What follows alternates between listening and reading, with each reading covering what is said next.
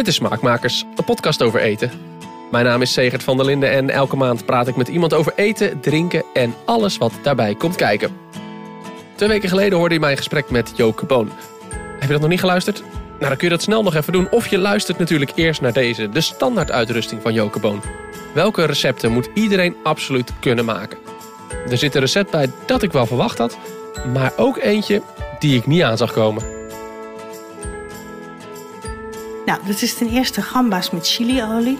En waarom dat? Nou, ten eerste, um, het is ook een probaatmiddel tegen fastfood. Dus uh, als je kunt bestellen, dan kun je...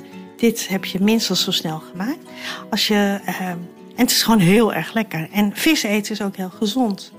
En vis, uh, ja, zeker als je kijkt naar goed, vis met een goed uh, label. Dus uh, niet te overbevangen gekweekte vis. Maar gamba's, nou, dat is heel lekker als je die bakt in een beetje gekruide chili, olie met knoflook. En je bakt ze heel snel. Ze zijn in een minuut of drie gaar. En dan met lekkere olijfolie en dan met stokbrood en wat salade. Nou, dan ben je, dat is geluk op een bord in mijn... En, mijn... En dan lekker met zo'n broodje, lekker zo die ja. olie van je, van je bord aan het eind. Rukkelijk, ja. ja.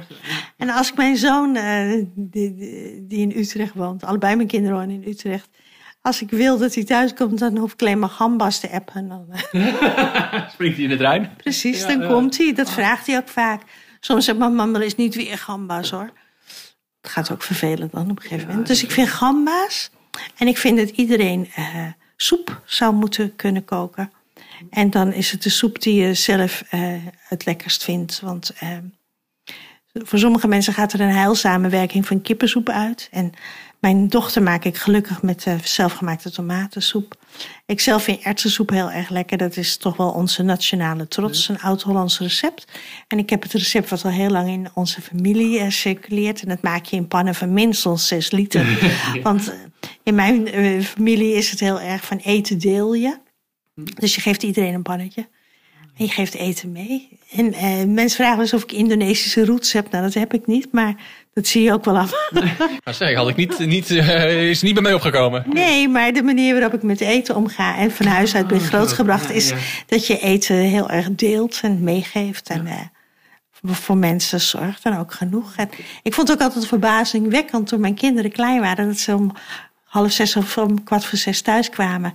En dan werden ze naar huis gestuurd omdat er gegeten werd. Bij mij mocht en mag nog steeds altijd iedereen uh, mee eten. Ja. Ja, dat is, dat is Hollands, hè? Dat is echt Hollands. Ja, ja ik ging ook uh, kwart over vijf uh, weer naar huis, want dan gaan we eten. Ja, nou ja, dat, dat vind ik Hollands. En in dat opzicht, dat, ja, dat verbaast me wel eens. Ja. Oh, grappig, ja. ja. En um, de derde? Het derde gerecht is dat iedereen uh, zou moeten weten hoe je goed peulvruchten weekt en kookt. Want als je peulvruchten goed kunt klaarmaken en dan denk je, nou ja, appeltje, eitje, uh -uh. Ik eet wel eens in restaurants en dan bedoel ik de betere restaurants. En dan eet ik iets met peulvruchten. En dan uh, denk ik, de bonen zijn niet gaar. En honger maakt echt rauwe bonen niet zoet, want het is gewoon niet te hachelen. Dus wie goed eh, peulvruchten kan weken en kan koken, eh, heeft daarmee de hele wereld in handen. Want je kunt alles maken als je peulvruchten hebt. Heb je een soort van vuistregel van het weken en het koken? Ja, je moet uh, de, de peulvruchten afspoelen. Dat doe ik altijd in een bolzeef onder koud water. Mm. En dan zet je ze in heel ruim koud water op. En dan lijken ze zo lang mogelijk weken. Wel 8 tot 12 uur, maar als je het 24 uur doet, is het ook prima. En dan zet je ze gewoon met weekwater. Want er zitten heel veel voedingsstoffen in, die gooi je niet weg. Voedingsstoffen zijn en smaak. En dan vul je het eventueel aan met wat extra koud water. En dan kook je ze tot ze gaar zijn. En soms is dat voor een bepaalde soort 20 minuten. En soms is dat voor diezelfde soort 25 minuten. Want opslag, transport en het ras zijn allemaal bepalend voor hoe lang iets moet koken. Dus er is, niet, er is wel een beetje een regel te geven, maar niet echt een uh, vaste tijd. En, en de, de, hoe oud de bonen zijn maakt ook nog uit volgens mij. Klopt. Klopt, ze zeggen overjarige bonen krijg je niet gaar. Nou ja, daar ben ik ook al wel weer, betwist ik ook. Ik, krijg ze wel gaar, want ik ben ook van het principe dat je eten niet weg moet gooien. Dus dan week ik ze gewoon uh, 48 uur. En dat kan als je ze gewoon in de koelkast zet, want anders krijg je bepaalde fermentatie. Niet dat dat heel erg is, maar ja. En, en is het dan niet de kooktijd ook weer langer? Dan kan de kooktijd langer zijn, ja. Maar bijvoorbeeld als je zelf lima-bonen of reuzenbonen weekt... of uh, ja, je hebt daar allemaal varianten in... die kunnen soms wel twee uur moeten koken. Maar bijvoorbeeld als je het hebt over zwarte bonen in Mexico en uh, Zuid-Amerika, dan weken ze de bonen niet echt. Dan zetten ze ze gewoon de hele dag op. Als je maar lang genoeg kookt, wordt het vanzelf al gaar. Ja. Maar dat past niet zo in onze moderne tijd, waarin het eten in een half uur op tafel moet staan. Ik denk, eten is emotie en eten is ook zorgen voor jezelf. En er is toch niks mis mee om daar heel veel tijd aan te besteden. Moet je wel hebben natuurlijk. Ik snap dat als je drie kleine kinderen hebt en je komt om zes uur thuis, dat je denkt, ja, je hebt, je hebt makkelijk praten.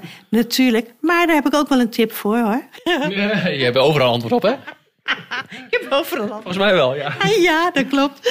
En uh, de, die mensen raad ik aan. Koop uh, bij de Turkse winkel of waar je je boodschappen doet.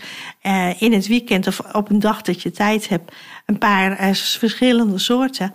En beek die allemaal en kook ze. En uh, vriezen met het kookvocht, uh, in elk geval onder water of onder vocht, uh, in, in Tupperware bakjes of in plastic zakken. En dan heb je altijd je eigen vriesverse voorraad pelvruchten.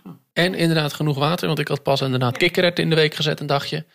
En kwam s'avonds thuis en toen dacht ik, oh, ik weet niet of ze het goed gedaan hebben, want al het water was op. Ja, die hebben dorst, hè? Ja. Als je zelf uitgedroogd bent, dan, ja, dan ga je ook hard, ja. heb je ook niks aan een glaasje. nee. nee.